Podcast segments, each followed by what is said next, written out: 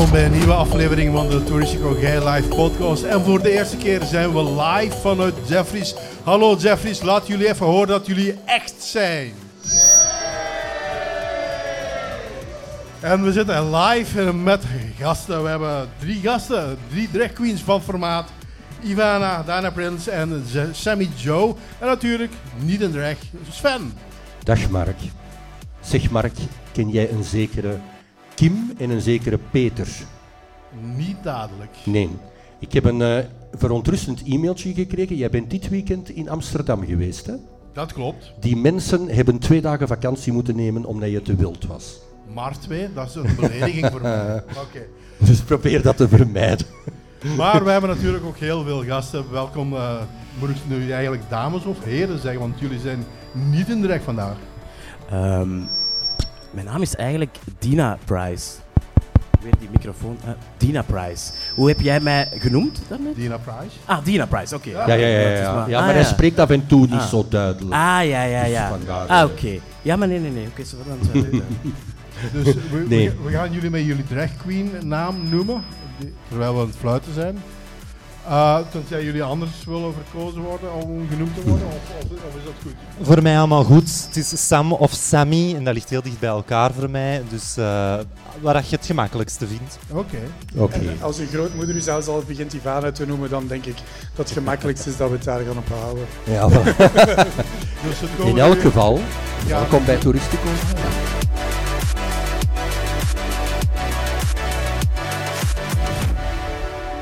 Voordat we gaan praten met onze gasten van vandaag, even het nieuws van de voorbije weken. In Leuven is de eerste editie van het Queer Festival afgetrapt met een Pride-optocht doorheen het centrum. Daaraan namen zo'n 200 mensen deel. Nog tot het einde van de maand staat er bijna iedere dag ook in het kader van het Queer Festival iets gepland in Leuven. En de directeur van het Hongaarse Nationale Museum in Budapest is de laan uitgestuurd omdat hij toeliet dat minderjarigen de lopende tentoonstelling van de World Press Foto bezochten. In de tentoonstelling zitten vijf foto's van de Filipijnse fotojournalisten Hanna Reis en Morales, waarin ze een groep bejaarde homo's volgt die samenleven in en rond Manila en daar ook dragshows geven. De foto's van de Golden Gays waren onder meer te zien in de New York Times, de National Geographic Magazine en de Washington Post. De directeur van het Hongaarse Nationale Museum moest van de overheid een verbod instellen onder de anti-LGBTQ-wetgeving die verbiedt dat de minderjarigen in contact komen met wat de overheid homopropaganda noemt. Dat weigerde directeur Laszlo Simon en daarom werd hij ontslagen als directeur van het museum. En in Nederland heeft een eh, man van 76 jaar vorige week ingereden op de homoseksuele burgemeester van Drimmelen. Burgemeester Boy Scholze moest opzij springen om te voorkomen dat hij zou worden aangereden. Volgens de politie heeft de 76-jarige ook de politicus bedreigd omwille van zijn geaardheid. De man is aangehouden en de burgemeester heeft aangifte gedaan. In de eerste tien maanden als burgemeester kreeg eh, Scholze wel meerdere keren te maken met de negatieve reacties over zijn geaardheid. Zo zouden dronken pubers wel eens homo's roepen als ze zijn huis voorbij fietsen. Mark, ken jij IGLTA? Ja, dat is de toeristische organisatie ja, uit Amerika. International Gay and Lesbian Tourism Association. Die hebben een rapport uitgebracht voor de Europese landen. Het is een Europees uh, rapport, heel wetenschappelijk, dus ik ga er niet al te veel over zeggen. Uh, maar zij willen eigenlijk, uh, het thema is Shaping the Future of LGBTQ Tourism in Europe. En daar staat een heel raar zinnetje in. Zij zeggen: The potential of tourism emerges as a powerful way for advancing LGBTQ rights. Pride's events and engaging with LGBTQ community can serve as powerful vehicles for visitors to convey messages of solidarity and empathy. Wat zij eigenlijk zeggen in dat rapport is: je hebt Turkije, je hebt Hongarije, ze noemen zelfs Oekraïne. En ze zeggen van, ja, die zijn heel negatief, maar net door het LGBTQ-toerisme aan te moedigen, gaan we de mensen van gedachten laten veranderen. Klopt dat of niet? Wat vind jij? Uh, ik denk van wel, maar dan zullen ze toch wel heel veel moeten aanmoedigen. Jullie weten allemaal, in Amerika is, um, is er heel wat te doen rond de drag performances. En eh, ik ben eens eventjes gaan opzoeken in welke staten dat er eh, wetten zijn ingediend om dragshows te verbieden of in te perken. En verschiet niet. Alabama, Arizona, Arkansas, Florida, Idaho, Iowa, Kansas, Kentucky, Minnesota, Missouri, Montana, Nebraska, North Carolina, North Dakota, Oklahoma, South Carolina, South Dakota, Tennessee, Texas en West Virginia. Dat zijn er heel wat, hè? Ja. Kennen, jullie, kennen jullie zelf drags vanuit Amerika die, eh, waarvan jullie horen van hoe moeilijk dat het daar gaat? Ik, ja, kennen en kennen zijn er twee natuurlijk, want we zitten redelijk ver van Amerika verwijderd. Nu, ik heb een tijdje geleden eh, de eer en het genoegen gehad van online iemand te leren kennen, omdat mijn ehm, broer, uh, of showqueen zus om het zo te zeggen, naar Amerika is geweest voor een wedstrijd. Eh, en dat is Adina. En dat is een van de drags die in één bepaalde staat ik vergeet al de welke ondertussen. Arkansas, ik word het hier uh, toegefluisterd. Dat is een van de drags die heeft gevochten, echt in het gerechtshof, om die een ban tegen drags niet te laten doorgaan. En dat is gelukt. Dus ik weet dat het daar wel gebeurt. En er zijn jammer genoeg, zoals je het hebt op 50 staten of zo, denk ik, in Amerika. En ja, veel te veel staten waar dat geband wordt. En ja, kan gewoon niet, in mijn ogen. Heb jij, heb jij daar mensen, Ivana, die dat je kent? Ik heb er een, een kleine, iets andere mening over dan heel veel van de drags. Ik, wat ik bepaalde dingen wel snap, is dat het bepaalde shows dat kinderen... Ouders beslissen uiteindelijk wat ze met hun kinderen gaan doen, maar een kind mag ook niet op een erotica-beurs. Ik vind dat bepaalde shows, en dat moet ik eerlijk ook toegeven, er zijn bepaalde shows die niet aangepast zijn voor kinderen. Er zijn bepaalde shows dat ik vind dat het iets te veel into the face is. Je neemt een kind ook niet mee naar een paaldansclub. Dus dan is het wel een beetje van trek een regel en trek daar dan een lijn in en laat daar dan mensen in lopen. We leven in 22, 2023 waar heel veel regeltjes moeten zijn, helaas om in de banen te kunnen lopen. Maar als er banen worden gelekt, dan kunnen tenminste mensen een beetje met elkaar nog wat kunnen werken. Natuurlijk, als ze zo blijven op elkaar gaan zitten, op een gegeven moment, zeker Amerika kennende, there is it's the highway or it's the no way anymore. nu, Mark, wij zitten hier met showqueens die dat al een aantal jaren meegaan. Hoe zijn jullie eigenlijk begonnen als showqueen? Ik zou zeggen, Ivana, jij moet beginnen, want ik denk van ons drie dat jij al het langste uh, het podium betreedt. Wel, twintig jaar geleden, bijna net, twintig jaar en één maand geleden. Toen dat ze nog betaalden met frangen? Toen ze nog in het zwart betaalden ook. Ja, bij velen is dat nog zo. Maar uh, nee, maar het is, ja, dat is gewoon zo. Uh, effectief, twintig jaar en een half geleden was ik uh, in Boccaccio Live in Halen aan het werk voor iemand die toen heel gekend was, Miss Bambi. Ik was een danser en ik was te vrouwelijk om een danser te zijn. En uh, in die tijd was dat gewoon zo. En toen was er nog City Parade. En City Parade was het eerste evenement wat ik gedaan heb. En toen dacht ik, nooit van mijn leven niet meer. En zeven maanden later begon ik in Turkije in de Mandarin hotels te werken voor de toeristische shows. En de rest is history en backpain. Ja, vooral de backpain. Wel, bij mij is het een, eh, een, dikke tien jaar geleden, denk ik ongeveer zoiets, uh, dat ik al jaren meeging als kleedster backstage in de kleedkamers. Eh, tiretten toetrekken, kostuums klaarleggen, juwelen klaarleggen, alles erop en eraan. Uh, en mijn broer doet ook drag. Um, en mijn broer was toen lid van een gezelschap uit het Antwerpse Cabaret Folies. En toen speelden ze hun jaarlijkse show in het Fakkeltheater in de Rode Zaal. Um, en toen was er, als ik me niet vergis, last minute een collega dat er niet bij was. En toen zei de bazin van die groep uh, tegen mijn broer: We schminken die kleinzuster van u wel, die kan dat ook. En toen heeft uh, Vanessa van Cartier mij geschminkt. En toen heb ik uh, twee dagen voor een vol fakkeltheater opgetreden. En de rest is history met iets minder backpain. ik ben ook nog wat jonger. Dina, jij? Uh, ja, bij mij is dat eigenlijk ja, ongeveer 13, 14 jaar geleden uh, begonnen in de Van Schoonhovenstraat. Uh, waar eigenlijk ja, de gay scene vroeger situeerde. Jeffrey heeft daar zelf ook nog um, een Twilight gehad. Um, en daar ging ik op mijn 17e eerst uit. eh, als travestie. Toen dacht ik dat ik eruit zag als Beyoncé, terwijl ik eruit zag als Serena Williams. Maar, eh, en dan ben ik Na zo- een zware match. en dan ben ik eh, zo het straat uitgegaan en ben ik uh, Kepassa binnengestapt. En eh, daar is dat eigenlijk een beetje aan het rollen gegaan. Daar heeft Philippe mij dan, hè, Philippe, de eigenaar van Kepassa, mij de kans gegeven om eh, op podium te staan. En eh, zo is dat eigenlijk aan het rollen gegaan. Je spreekt net over Kepassa. Wat is volgens jullie de waarde geweest van Kepassa in de dragwereld? Ik denk dat Kepassa een heel grote stempel heeft gehad in de drag scene, zeker in Antwerpen. Heel veel Antwerpse queens eh, hebben daar hun start ehm, gehad. Ja. Dus ehm, ik denk dat Kepassa wel een heel groot... Ik, ik denk dat het sterkste eh, aan Kepassa ook gewoon was, is dat het één dragshows deed in de week en niet alleen in het weekend. Op dinsdagavond en op donderdagavond, als ik me niet vergis, waren er dragshows. Dus heel veel eh, mensen uit de gay scene die dat in de week gewoon iets wouden gaan drinken. Ja, en dan waar ga je? Gaat naar Kepassa, want er is ook echt iets te doen in de week. Er zijn heel veel eh, cafés in Antwerpen waar dat je iets kunt gaan drinken. Maar ja, dan zit je gewoon aan een tafel te babbelen, waar dat ook wel gezellig kan zijn. Maar in Kepassa was er ook altijd gewoon echt iets te doen. Er was altijd show, er was altijd wel een leuk concept.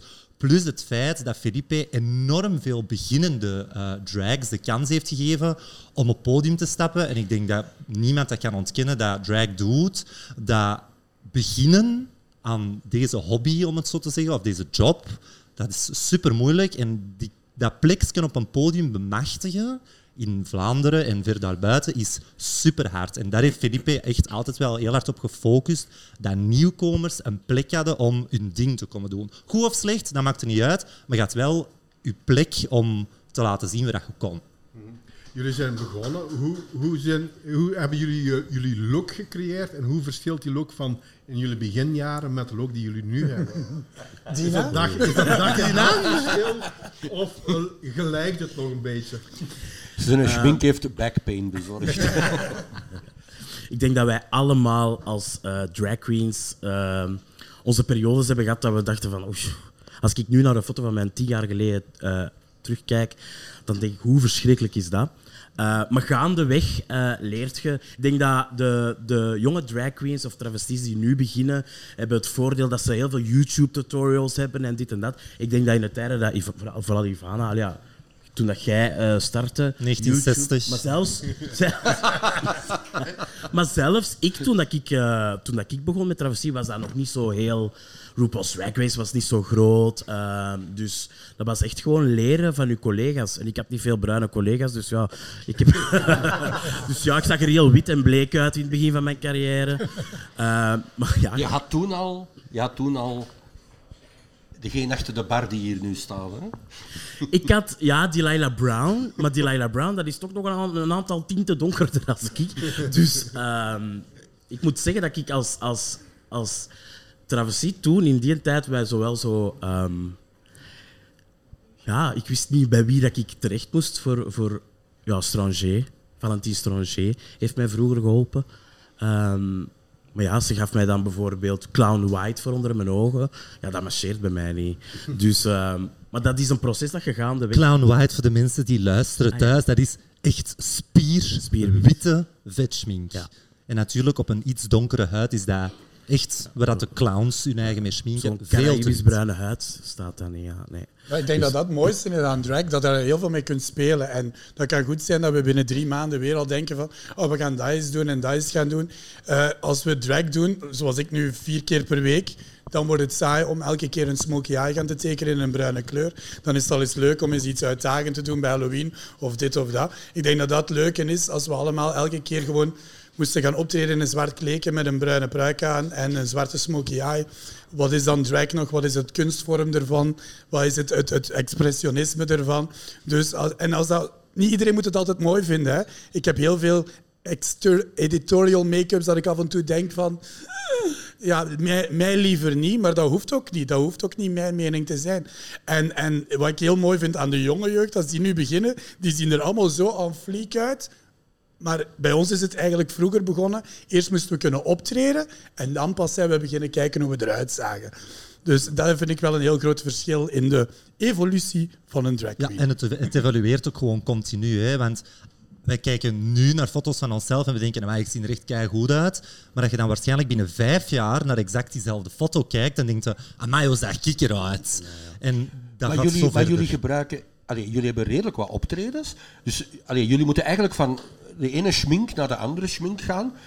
Hoe slecht is dat voor jullie?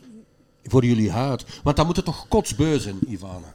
Ik, na 20 jaar, maar ik denk dat mijn huid nooit de kans heeft gehad. Ik ben begonnen op 15 jaar en een half. Dus ik denk dat mijn huid nooit de kans heeft gehad. Het enige wat ik heb altijd geleerd van de nog oudere garden als ik. Je bedoelt Sasalamar. Nee, dat is nog een hele andere producten wat hij gebruikt. Dat is bijna Gyproc. Maar eh, nee, wat ik heb geleerd is vooral niet de dure gebru- dingen gebruiken dat gemaakt is om make-up eraf te halen. Dus eigenlijk alles gebruiken wat oliebasis is en dingen. En niks te, niks te chemisch gaan gebruiken, geparfumeerd. Gewoon wat goed is voor een baby, is goed voor mijn gezicht, zeg ik dan. Voilà, helemaal akkoord. Bij mij is exact hetzelfde als ik mijn make-up eraf haal. Dat is nog altijd met babydoekjes en babyolie. Ik smeer wel achteraf ook altijd een crème, want mijn vel is na, een, na vier, vijf dagen show van tijd ook niet altijd even happy. Zeker omdat ja, je moet elke dag ook scheren. Het is vooral In mijn scheren dat geval, het probleem het scheren, heel veel scheerbrand. Dus ja, zo'n rehydraterende crème eh, werkt bij mij wel fantastisch. Ja, ik denk dat het inderdaad wel belangrijk is, eh, de manier hoe dat je je ontschminkt. Eh, inderdaad, met babyolie, dat is veel zachter voor je huid.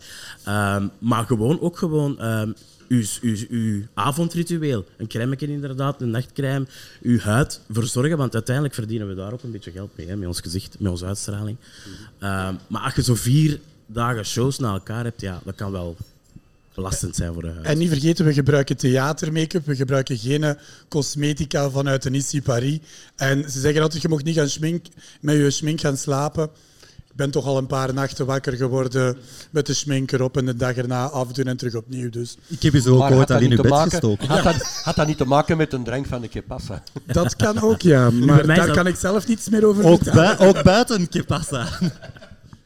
Ik, ik heb deze morgen even een paar rond, een rondvraag gedaan met mijn vrouwelijke collega's, hoe, ze- hoe lang zij over de make-up deden. Het varieerde van 10 tot 20 minuten. Ik zelf heb geen, eh, geen ervaring. Hoe lang duurt het om voordat jullie getransformeerd zijn? Bij mij varieert dat. Ehm, dat hangt er ook altijd vanaf of dat ik veel tijd heb.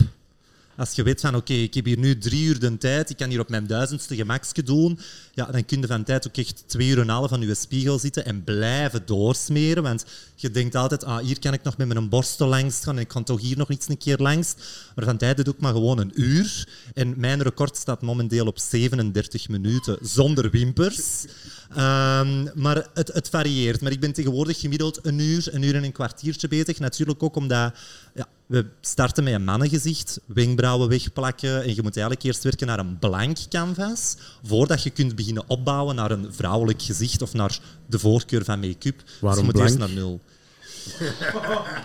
Naar een, eh kennen ze van die papieren jute zakje? Daar kun je natuurlijk ook naartoe werken eh, eh, in die Ik denk dat... Allee, ik, allee, ik hoor hier heel veel technische termen van jullie, maar ik denk een beginnende showqueen, als die moet leren met make-up, dat is toch niet simpel? Van wie moet die dat leren? Goh, is zoals ik daarnet al heb aangehaald, ehm, je kunt heel veel tutorials op YouTube vinden ehm, waar ze heel duidelijk uitleggen van kijk, dat zijn de stappen die je moet nemen om je, je, je make-up te doen. Dus ehm, ja, natuurlijk, je moet dat wel een beetje in je hebben. Hè. Je hebt dat of je dat niet. De skills om, om een borstel vast te houden, om te blenden. Het, is ook, het is ook gewoon heel veel trial and error. Dingen voilà. proberen. Om een voorbeeld te geven, wenkbrauwen wegplakken. Er zijn vers- superveel verschillende technieken en superveel verschillende producten om dat mee te doen. Maar ieder heeft daar zijn voorkeur in. Ik werk bijvoorbeeld met echt iets very old-fashioned eyebrow plastic, eh, zoals ze dat noemen. Er zijn ook heel veel collega's die dat eh, paarse prit gebruiken. Dat ze in de in de kleuterklas gebruiken voor hun wenkbrauwen weg te plakken. Vroeger plakten ze zelfs weg met een stuk zeep. Dus dat is ieders voor zich en dat is gewoon puur waar dat uw voorkeur is om mee te werken. Maar natuurlijk, als jongen de queen is dat ook inderdaad heel veel proberen. En als je echt je wenkbrauwen niet kunt wegplakken, kunnen ze ook altijd afscheren. En de meeste van de nieuwe jonge queens zijn zeer mondig om hulp te vragen aan degene die het voor sommigen al 100 jaar doen. Zet het nu over uw eigen bezig? Eh?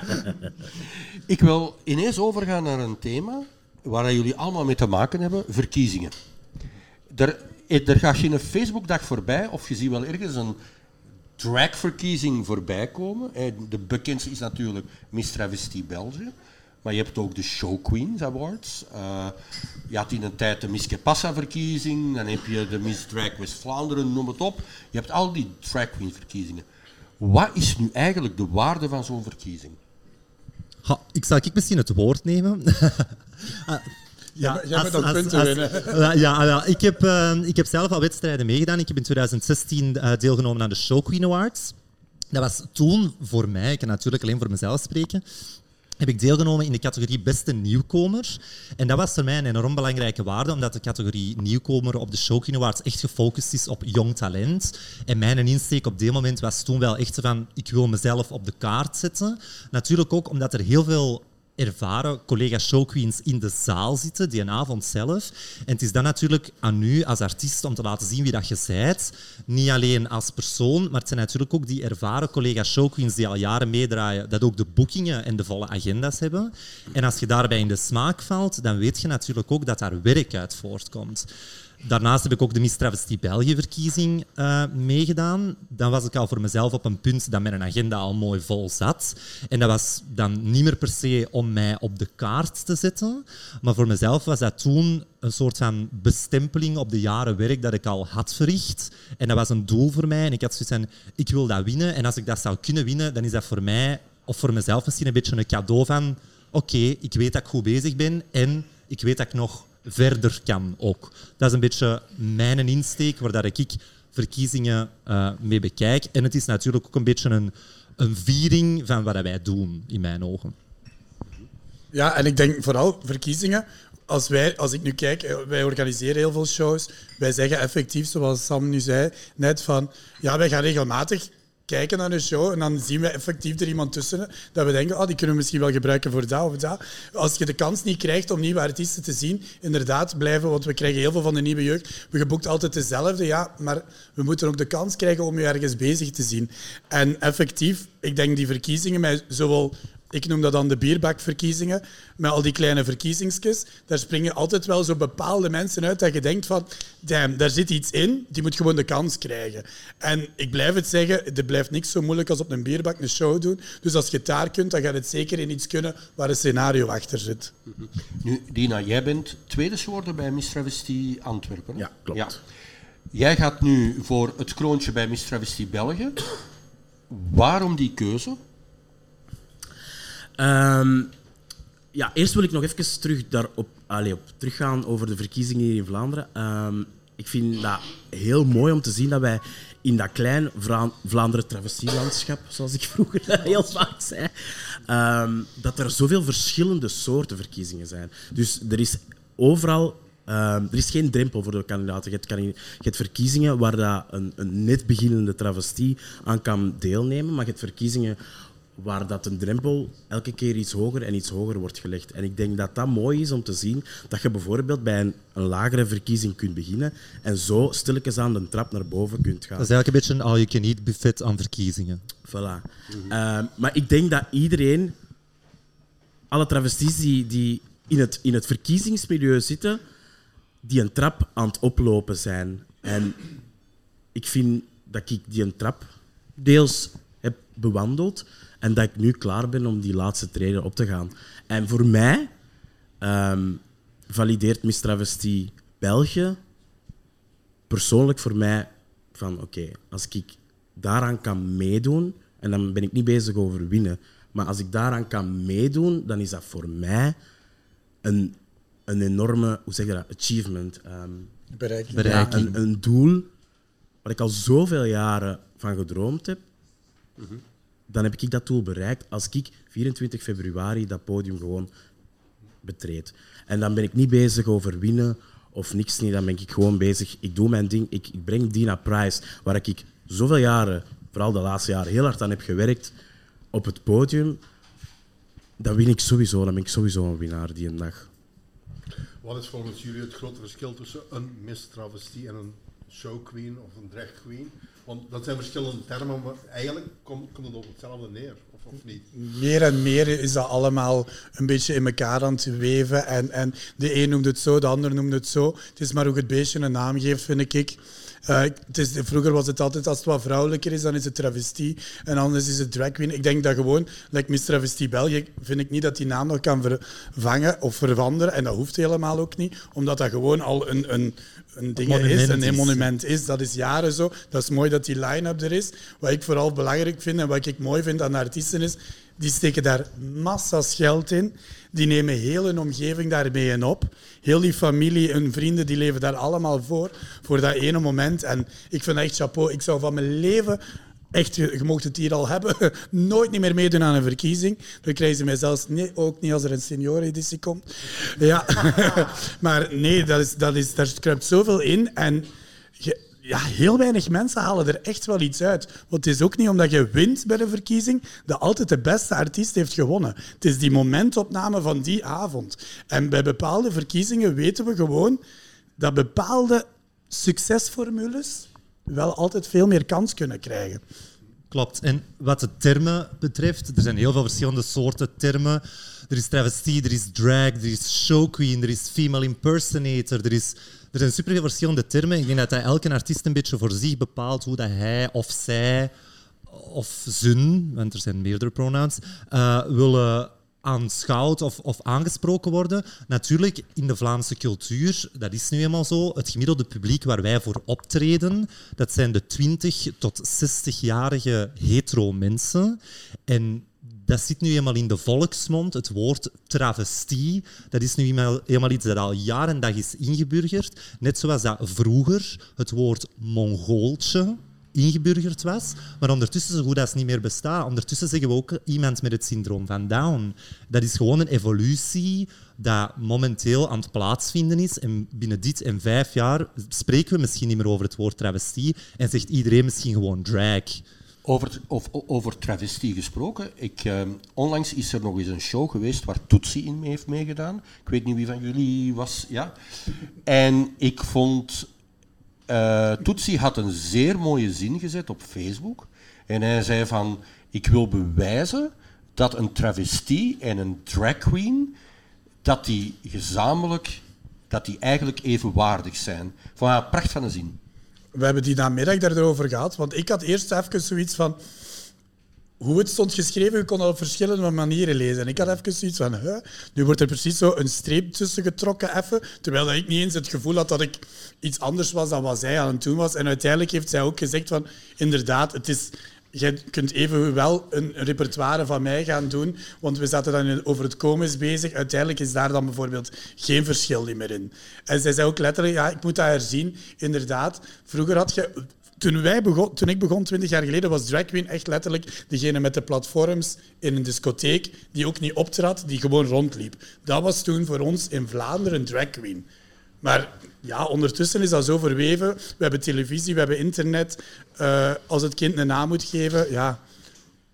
En ondertussen loopt het ondertussen. Uh, komt de upper show queen binnen? Ja, ja, inderdaad. En als we het over drag spreken, ook inderdaad, vroeger ik denk dat we inderdaad spreken over een, een, een tijdswitch. Inderdaad. Vroeger de drags, dan spreek ik over een Dushi Davoy, een Dushi Davoy op de hoge platformschoenen, uh, alles erop en eraan. En dat is inderdaad gewoon... Het verandert een beetje van stijl. En ik denk dat dat gewoon nu iets is dat stelselmatig aan het veranderen is in de volksmond. En ook dat niet vooral, denk ik, voor ons heel beschamend is als iemand ons... Want je hebt dat heel vaak, nu dat ze na de show komen zeggen, mogen we nog travestie zeggen? Mij maakt het echt geen hol uit wat ze zeggen. Ik ben al blij dat ze mij durven aanspreken en dat ze vriendelijk zijn en dat is meer dan genoeg. En als je dat dan vindt dat ik een travestie of een drag queen ben, ik ben al blij dat je tegen mij gewoon spreekt. Zolang ze me dan zien als artiest. Ja, inderdaad. Maar je krijgt ook uh, heel eerlijke vragen van, van, van het hetero publiek waar je voor optreedt. Dus inderdaad, als mensen zo afkomen van mag ik nog travestie zeggen? Wat moet ik eigenlijk zeggen? Moet ik hij of moet ik zij zeggen? Ik denk dat wij als, als drag queens, show queens, travesties wij hebben eigenlijk een bepaalde... Ik zeg altijd, je moet het publiek heropvoeden. Dat zeg ik altijd op mijn shows. Um, maar ik denk dat wij een centrale figuur kunnen zijn in de gay community om daar duidelijkheid in te scheppen over ja, wat kan wel, wat kan niet. En um, dat vind ik wel mooi dat wij dat kunnen. Ik wil eh, even eh, onze vierde gast verwelkomen. Dag Danny. hallo, hallo, hallo. Ze is er! Een applausje. Ik denk dat het druk is bij de kerstperiode. Eh, mijn, welgemeende, mijn welgemeende excuses. Ik heb een heel zwaar weekend achter de rug. Mijn vernoot zit in Gran Canaria, dus ik moest mascara eenmaal alleen doen. Eh, de gaston die is zondagsmorgens om kwart voor zeven moet open doen, was er niet. Dus ik heb twee uur en een half geslapen van zaterdag op zondag. Heb ik zelf mijn kot open gedaan. Oké, heb ik voor gekozen. Zware zondag, maandagmorgen, mijn eerste kerstdecoraties, bla bla bla bla. Ik ben dan ook het slachtoffer geworden van een cyberattack. Heel mijn... Allee, mijn eh, rekening is leeggemaakt. Ik heb nog maar 114 euro op mijn rekening staan. Dus ik zit met fraude bij Belfius, ik zit met de politie, ik zit met weet ik wel allemaal. Dus ik heb vandaag heel Marie-Antoinette omgetoverd in de kerstsfeer. Dus ik heb van, van- van- in de ballen, in de lichtjes in de takken gewoon. Komt ook nog die zak van een huisbaas van de Neffe rond van te zeggen van ja, we gaan het kot niet verkopen, we gaan het wel verkopen, je moet eruit, je moet er niet uit. Stress.com. Goed, maar ik ben. Maar je hebt wel, maar je hebt wel, maar je hebt wel een schone nieuwe gevel. Nou, dankjewel. In, in, in Borsbeek, wil ik zeggen. Maar ik zit nog aan het sparen voor mijn eigen gevel, maar dat is te veel. We zijn begonnen met de vraag hoe iedereen begonnen is als drag queen. Hoe ben jij begonnen? Want jij bent van een hele andere generatie. Yes, ik ben niet meer de oudste. Hoeveel tijd, hoeveel tijd hebben we hier vandaag? Dat was iets, iets voor de Eerste Wereldoorlog, denk ik ongeveer. Nee, met de Romeinen nog. Met de Romeinen. Eh, hoeveel tijd hebben we? Want dat is wel een aardig verhaal eigenlijk. Ehm, We zijn een half uur bezig, dus we hebben nog een half uur. maar, ik zal het proberen kort te houden. Eh, ik heb altijd eh, in mijn jeugd, van kleins af aan, heb ik altijd mijn eigen graag verkleed. Niet als vrouw. Wel verkleed. Dus er waren bij mij twee topdagen per jaar. Dat was Drie Koningen en Carnaval. En eh, dat, dat heeft heel lang geduurd, carnaval. En dan ging ik altijd wel verkleed uit, maar in een manspersoon. Ik was een koning, ik was een prins, ik was een nar, ik weet ik, ik wat. Maar ik moest altijd wel een cape hebben dat wapperde. Het moest wapperen. Een cape, een koningfrak met hermelaan, het maakt me niet uit. En op een gegeven moment, 23 jaar, mijn datum van coming out of the closet. En ik had toen een kapper hier in de Van Breestraat. En die zei, ja, Danny, ga jij mee naar de grootste verkleede bal van Oostende. Bal de Ramor bestaat spijt genoeg niet meer. Kwamen ze van Schotland naartoe voor daar carnaval te vieren. Dus ik hoorde verkleed bal. Zeg, ja, ik ga mee. Ja, maar ja, ja, ja, we hebben wel een voorwaarde. Dat moet als vrouw. ik denk, oei. Ehm, de meesten weten dat ik wel eh, vroeger een aantal kilo's meer was. Eh, ik kon mij toen niet sminken, Vinden heeft dat nog gedaan. Eh, ik heb zelf mijn jurk wel gemaakt. Ik was er thuis in de keuken mee bezig. Een hoeperrok gemaakt van eh, elektriciteitsbuis. En mijn moeder zei, wat er nou weer aan? Ik zeg, laat maar maar doen. Een hotel geboekt in Oostende. Ze hebben mij gesminkt, ze hebben mij aangekleed, bla bla bla bla. Ik kwam toen buiten in heel mijn negativiteit, want ze begonnen al te klaksoneren. Ik denk, ja, ze zijn me aan het uitlachen. Maar eigenlijk was het andersom. Ze vonden het graaf. Het was, was mega sissi. Ontplofte sissi.com, dat wil niet weten. Ik kwam dan in het casino aan. ehm, en als je het casino van Oostende binnengaat, ga je naar de vestiaire en dan je links en rechts twee trappen en een balkon en daarachter heel de grote zaal. En dat was al een applaus en foto's trekken en ik denk over wie gaat het nou feitelijk? En blijkbaar was ik toen die avond het meeste gefotografeerde item dat er was. En geloof het of niet, de aandacht dat ik vroeger nooit heb gehad, want ik ben zwaar gepest geweest in mijn, in mijn schooljaren. Altijd achteruit geschoven, de dikke, de Jeannette, uh, Puste, weet ik wel allemaal. Mijn achternaam heeft ook niet goed aan gedaan. En ineens was daar een overschot van aandacht. Ik denk, deze kan niet meer. Ik denk, en deze gevoel wil ik niet meer kwijt. En stelselmatig heb ik gezegd van, weet je wat, ik kon qua kleertjes maken en groot en uitbundig. En ha, ha, ha, dat is in Tessenaars van mij zot weer. Want de enige plaats waar ik kon staan was die ronde cirkel. Ik kon geen ene gaston niet meer deur. Maar ik denk, ja, I don't care. Los het op. ik was er wel. En zo is dat gekomen eigenlijk. Ja, gewoon de aandacht. Jullie zijn als mannen, uh, kruipen jullie in de op, op, opposite seks, een andere geslacht.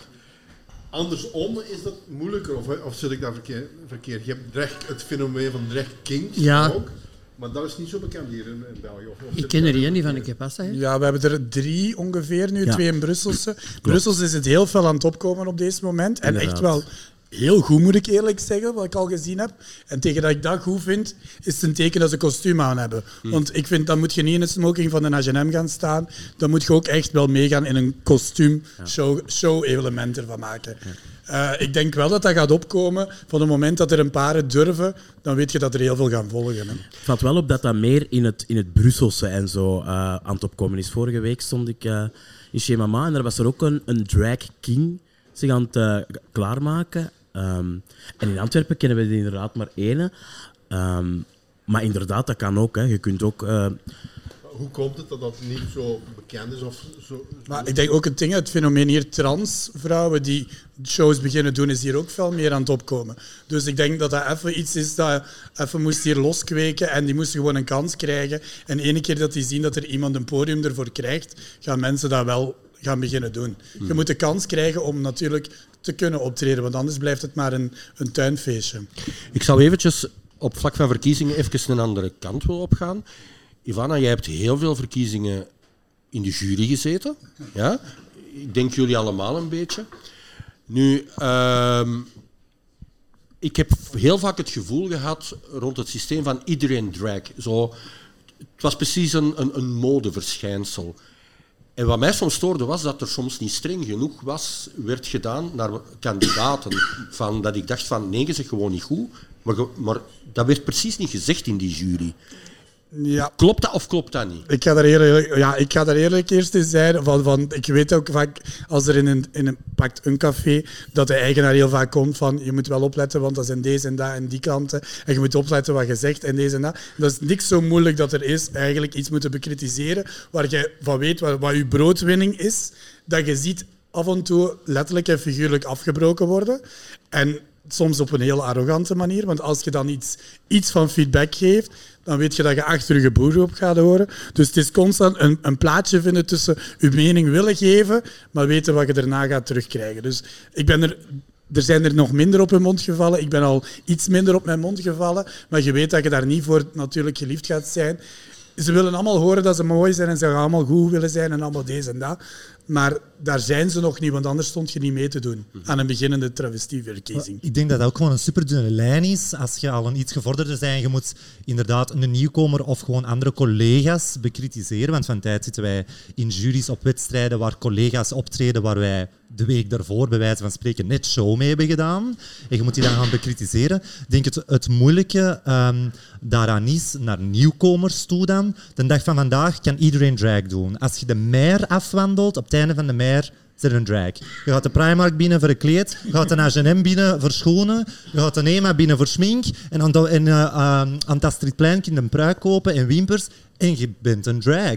Natuurlijk, het ding is, en daar heb ik het heel vaak heel moeilijk mee, met beginners, pak een spiegel vast en doe eerst aan zelfreflectie.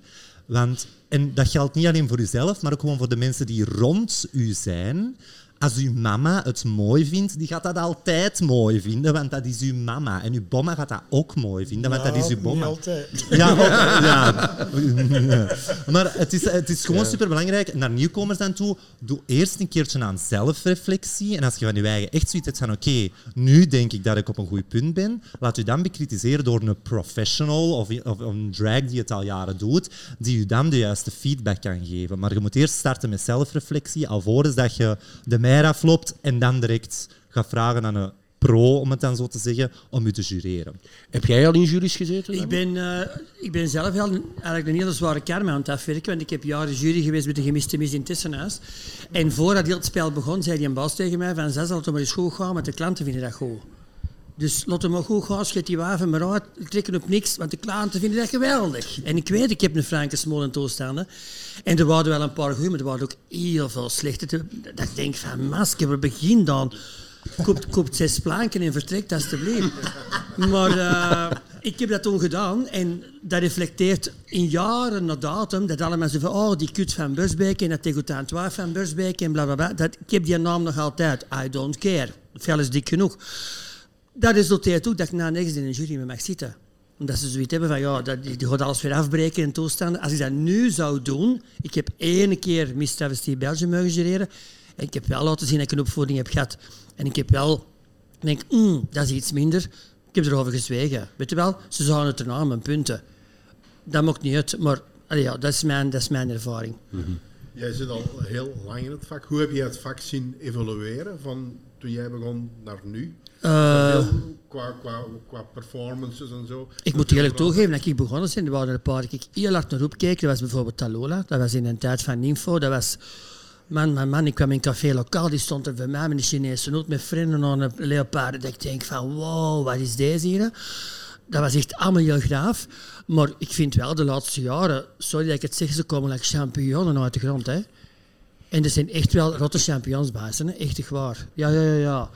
En ehm, ik kon geen namen noemen, want hij hij samen in de kleedkamer en ik zei soms over Facebook, amai, dat vind ik een graaf. En amai, die is nog maar zus begonnen. Eh, maar mm, ja, nee, ik kon geen namen noemen, want dan heb ik het weer gedaan. Maar het is al zo weinig op het moment. Er kan nog Oh, geknipt worden. Ja, ja. Er kan nog geknipt worden. Naar mij. Dus, eh, maar er wel, wel, wel, wel wat veel. hè. Maar ik denk dat dat vooral de frustratie is. Dat het is onze job. We moeten hier heel hard voor werken. En inderdaad, dat je dan regelmatig mensen ziet. Het is anders als je zo wilt uitgaan. Maar van het moment dat je er centen voor moet krijgen, of wilt voor krijgen, vind ik wel dat het deftig genoeg moet zijn daarvoor. En ik denk dat het, de moeilijkheidsgraad daaraan is dat het publiek waar wij voor optreden, dus die gemiddelde 20 tot 60-jarige hetero, die ziet, om het echt heel plat en heel cru uit te drukken, een vent in een kleed. Wij zien dat natuurlijk anders. Wij hebben zoiets van, wij willen dat zo professioneel mogelijk doen. Natuurlijk, voor ieders is wat wils, maar wat krijg je als performer die er echt zijn brood mee wint? Ehm, de moeilijkheid gaat eraan is dat dan die een hetero persoon, eh, of die, die persoon dat dan een, een showqueen boekt, die boekt dan iemand aan een lagere prijs, want voor die mensen is dat toch maar een vent in een kleed. En wij zijn dan als professionals met een iets duurdere gage, om het zo te zeggen. Wij blijven dan buiten schot en wij verliezen onze job door de collega's die dan in onze termen onder de prijs gaan. En dat is het heel jammere daaraan. Want eh, Ivana gaat mij daar nu in bijvullen. Hé, Ivana? Maar ik, je waart mij gewoon door mijn- ik, ik ben blij dat het niet uit mijn mond moet komen, maar dat is effectief zo. Ik, ik heb het nog maar gisteren voor gehad. Een vaste klant waar we zes jaar staan, die zei...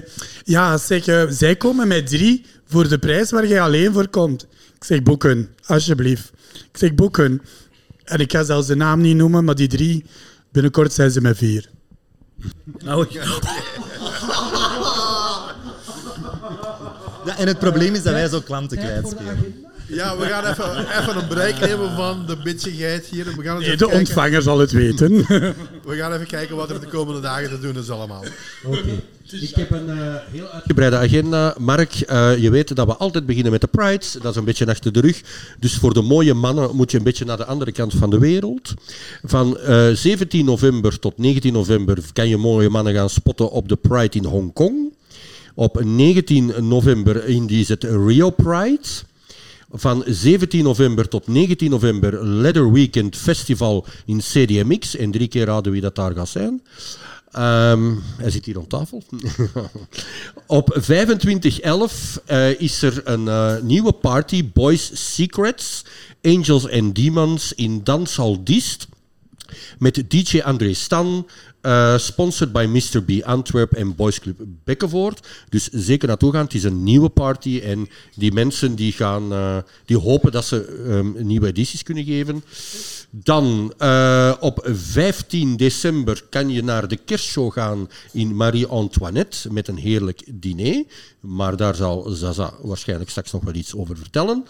Ben je haar nog niet beu gezien, dan kan je de volgende dag naar de kerstshow gaan in de Mascara met de Shining Divas met Eh, op 15 december en 16 december eh, is er 20 jaar de Supermodels in Sint-Jan, Sint-Josef-Olen.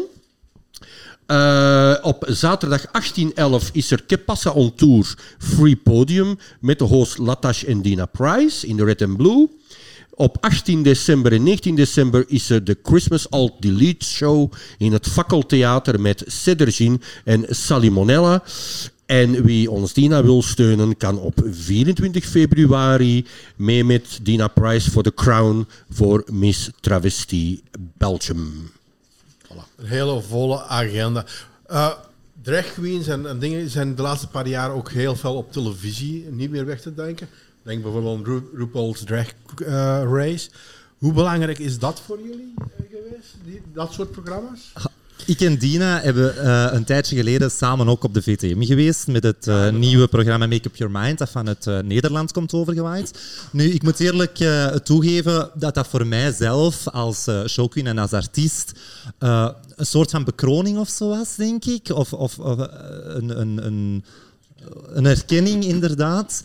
Um, om te zien dat een tv-zender zoals VTM, waar toch wel enorm veel uh, Vlamingen naar kijken, uh, hun tv-zender openstellen voor onze vorm van entertainment. Ja. Dat volgens mij in het verleden nog net iets te weinig is gebeurd. Ik denk dat RuPaul's Drag Race in Amerika ervoor gezorgd heeft dat drag echt tot in de woonkamers van gewone mensen is geraakt. Waar dat je vroeger dan echt naar een bar of zo moest om naar een travestie of een showqueen te zien, uh, konden nu gewoon vanuit uw zetel uh, mm -hmm. dat wereldje ontdekken en zien. En het heeft een hele lange tijd geduurd voordat dat ook overwaaide naar andere landen. Um, en ik denk dat dat voor ons een hele eer was om, om er eigenlijk mee hier in Vlaanderen, met Make Up Your Mind, ons drag gewoon tot in de woonkamer van de gewone Vlaming te nu, brengen. Je zei het daarnet al, overgewaaid naar andere landen. Ondertussen zijn daar al heel veel spin-offs van. Ik heb het eens opgezocht. Je hebt de normale RuPaul's Drag Race in Amerika, dan heb je de All-Stars, dan heb je Thailand, UK, Holland, Canada, Down Under, Spanje, uh, Belgique, uh, Secret Celebrity Drag Race, Italië, France, Philippines en Zweden. En Brazil. Ja. Mexico. En dan hebben we ook nog All Stars versus the World, waar ze dus ex-deelnemers van de verschillende seizoenen nog eens in één hoop gooien van over heel de wereld. Uitmelken die handel. Als er eentje is die geld verdient aan deze hobby, is het RuPaul. Nu, stel Terecht, jullie terecht. krijgen morgen alle vier telefoon van RuPaul. Doen jullie mee met RuPaul's Drag Race? Wat zou jij doen? Ik zou meedoen. Waarom? De senior afdeling, hè? ja, Nee, maar waarom? ja. Waarom? Ja, dat is een springplank vervelen. Hè. Zino CDG, Zino Vanessa, Zino uh, NVP Roep. Kom aan, mannetjes. Dat is een springplank van elkaar niet meer. T- Maar ik wil nog één ding wel zeggen. Ik vind dat zo jammer dat Vlaanderen daarbij zo traag in is. Ik bedoel, je mag geen enkel café tegenkomen in de geburen waar het een travestie staat op te treden. Of als het nou goed of slecht is, bla bla bla bla. Maar die tv lukt niet. Ik zal nu al zeggen, ik heb twaalf jaar geleden als enige auditie gedaan om... ehm, Debbie en Nancy te vervangen. Debbie en Nancy, die gingen stoppen. Er was iemand in Mascara die zei, amai, ga, amai, wat een franke smol, wat moppen, blablabla. Ik kreeg acht minuten eh, auditie, ik heb er twaalf gekregen.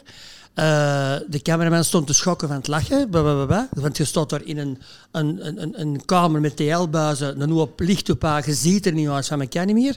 En toch, goed, goed, goed. En ik had de tegenslag, ik had Didier de Kunst. Die nam de auditie af. Jawel, je kent hem van, van familie. Hoe weet je hem als uh, Didier de Kunst? Eh? Nee. Ja, dat niet wat is goed. Ja, ja, ja. Een munter datum was hem ontslagen. Weet je dat? Maar voilà, daar kan je natuurlijk geen vetten mee. Dus die had een nurk van een vent. En die auditie was gedaan. Die zei tegen mij van, ja, ja, je bent niet slecht, want ik heb hier al andere dingen gezien. Maar kunt u algemeen Nederlands? Dus ik kan antwoorden. Nee, nee, nee, nee. nee. Ik kan dat. Ik kan dat, maar ik heb ook altijd een antwoord. Uh, al dat er toen liep, familie, thuis, Lily en Marleen, is dat beschaafd Nederlands? Ik denk het niet. En als je een mop vertelt in echt pure ABN, dan is de, de joke al weg. Want dan allemaal, die spreekt precies Chinees, weet je wel? Dan zegt hem ook zo van, ja, onze meeste kijkcijfers zijn West-Vlaanderen en Limburg. Uh, die gaan dat niet verstaan. Ik zeg ten eerste, die is ondertiteling. Ook, niet, ook niet zot van. Zeg maar, ten tweede, West-Vlaanderen, Limburg. Daar hebben ze zo weinig verstand in die mensen gedaan. Dat kan ik niet aan doen. Hé, hey, ook gelijk, hè? Hallo. Gaan we zit u? Gaan waar zit u? Ik ben van Limburg, hè? Ja, dat is alles mee gezegd. Alles mee gezegd. Voor Dat mij, doet- Maar jaren later heb jij dan wel meegedaan aan Belgium's Got Talent. Ja. En wat resulteerde dat? Dat maanden de telefoon in Mascara roodgloeiend stond. Volle zalen. TV werkt, hè. Daarmee hebben we dat gedaan. En de tweede keer hebben we ook meegedaan. En dat weten we iedereen. We hebben de vier kruisen gehad. Maar dat wisten we. Wij wisten alles op voorhand. Dus de eerste keer dat ik meegedaan heb, mocht ze nog kiezen wat je deed. Dus je kwam er binnen, ik wil dat doen en dat kon. De tweede keer moeten vijf nummers binnenbrengen. VTM kiest. Voor de rest is er niks te zeggen. Je moet op dat deur daar zijn Zo, s morgens om zeven uur. Hè. Daar zijn gesminkt, dat doen, dat doen, dat doen. Eh, die achtergrond kiezen wij, dat, dat, dat, dat. Vul vijven en zessen. En het was jaren geleden dat er nog iemand vier kruisen had gekregen en die waren bestemd voor ons. Wij wisten dat op voorhand. Maar toch was het weer reclame. En als RuPaul's Drag Race terug te gaan op de vraag van tien minuten geleden. Uh, Jij juist afvuren naar mij, hallo. zou je meedoen als kandidaat of zou je liever een coach zijn? Of... In de jury zetelen. Dat, dat vraag ik mij bij u af. Maar voor u ik zou, uh, ah, wel, ik zou wel als kandidaat willen meedoen. Ik, ik, perso ik persoonlijk niet. Ah, ik ook niet. Ik zou niet meedoen aan uh, RuPaul's Drag Race, omdat ik, ik, ik volg RuPaul's Drag Race enorm hard. Ik kijk alle seizoenen, of toch de, de centrale, buiten de, de extreem verre spin-offs misschien niet. Um, maar waar mij een beetje het, het, het schoentje wringt bij Drag Race, is dat dat voor mij te uitvergroot is. Heel mijn persoonlijk leven, mijn leven met mijn man, mijn huisje, mijn tuintje, mijn boompje, om het zo te zeggen. Ik heb persoonlijk geen behoefte om dat uitvergroot te hebben aan de fanbasis dat RuPaul's Drag Race heeft. En draait of keer het zoals je het wilt. Het is een prachtig tv-programma, maar de fanbasis dat erachter hangt, is puur vergif. En dan spreek ik over Twitter en Facebook, Instagram. De, de meisjes die dat daaraan deelnemen, die krijgen doodsbedreigingen, die krijgen berichten tegen de sterren op. Gewoon puur om dingen die ze zeggen en om de artiest dat ze zijn. Hè. Daarom moeten ze zelf misschien nog niks hebben gezegd, hè, maar gewoon om iets dat ze doen. En dat heb ik er niet voor over. Als het puur zou gefocust zijn op, de, op, de, op het vak of op de kunst drag, dan direct. Maar het is alles wat erbij komt voor mij, dat voor mij te veel zou zijn. Ja, nu, um, plotseling verscheen er op Fox een andere reeks Call Me Mother. Ik vond dat een keer beter. Ik, geef dat eerlijk toe. Dat ging over houses. Ik vond dat daar veel minder venijn in zat. Het waren ook houses. Ik vond de opdrachten ook veel leuker. Ik weet niet of jullie de musical kennen. Everybody's Talking About Jamie. Op een bepaald moment moesten de showqueens daar scènes spelen uit die musical. Ik heb met open mond staan kijken. Maar ik vond dat een aangename show om te kijken. Dus ja, ik dacht van, ah, het kan dus wel om een programma te maken rond showqueens en dan ook rond houses. En dan was het effectief wel een coach, die dat die, een bekende coach. Dus uh, stel dat ze jullie daarvoor zouden bellen en zeggen van, willen jullie een groep coachen? Want het is gemaakt door OutTV, hè? Ik zou het liefste doen, waar, waar ik hoop, want er zijn heel veel in de wandelgang, dat weet iedereen, ze zijn met superveel bezig. Het liefst van al blijf ik zeggen, het systeem van We're Here. Dus eigenlijk is dat bij ons het meest vergelijkbaar met de heren maken de man van vroeger. Uh, dus Queer as Folk, uh, Queer as, wat is dat? Queer Eye for the Straight Guy. Ja. ja. Uh, dus dat daar een versie van zou komen, omdat je dan echt ook mensen gaat ons gaat zetten in een ambetante situatie waar wij niet goed op weten hoe wij gaan reageren en deze en dat. Dat gaat een heel andere kant laten zien dan weer het ongelukkige gay-verhaal dat dertig keren wordt aangehaald en waar te veel wordt op gefocust. Dus ik vind dat de focuspunten nu te veel hetzelfde zijn. Like bij de Make Up Your Mind had ik na de zesde keer dat iemand diezelfde uitleg ging doen van... Wel, dat heeft mij ook gestoord aan Make Up Your Mind. Ik vond het emo-tv en ik dacht, daarvoor kijk ik naar Canvas, maar niet op een vrijdagavond naar de VTM. Ja, ja, ik ook. Ik heb liever dan dat er bijvoorbeeld, waarom worden drag queens nooit op de tafel van vier, een keer bij Gert, daar zitten altijd drie mensen. Bij uh, de, wat is het daar, de slimste mens, die juryleden, zet een Jaja daartussen en dat is super grappig. Weet het, kan, het kan gewoon in België niet. Het kan, dat vind ik zo frustrerend. Dat moet ik niet zijn, want hier zit er nog iemand met een franke smul die, die, ik soms niet aan kan. Echt waar, dat weet ze goed genoeg. Die is ook heel mondig. Uh, ze heeft ook van alles gewonnen. Dus als ik naar de slimste mensen moest gaan, zou ik zeggen, ça va. Maar als een BV er een pruik op zit, dan kan het. En iemand dat al jaren in het vak is en goed is en uh, ook fan zijn, en dat kan niet. wel vragen om die dan gaan te maken. Ja, ik denk dat het een beetje bij, de TV, bij de tv zijn dus ook gewoon schrik is. Want inderdaad, als je naar het verleden kijkt, naar een drag dat wij al op televisie hebben gezien, dan zie je hetero mannen in drag. Chris en Co, Debbie en Nancy. Het is altijd hetzelfde type hetero man. Dat kinderprogramma's met die twee bommes. Die zitten met een stoppelbord. Het, het, zijn altijd, het, zijn, het, zijn altijd, het zijn altijd de hetero's, de hetero-BV's die ze in drag steken. En dat kan tot op een bepaald punt, maar het is een beetje onze Nu, cultuur. Christophe was niet nu bepaald een hetero. Niet echt, nee. Of niet fanatiek in ieder geval. Ja, ik vind dat van Sammy Medi ook niet, maar ja, dat is... eh, Ja, dat was ik ook aan denken. Hoe zijn jullie daar eigenlijk mee betrokken geraakt?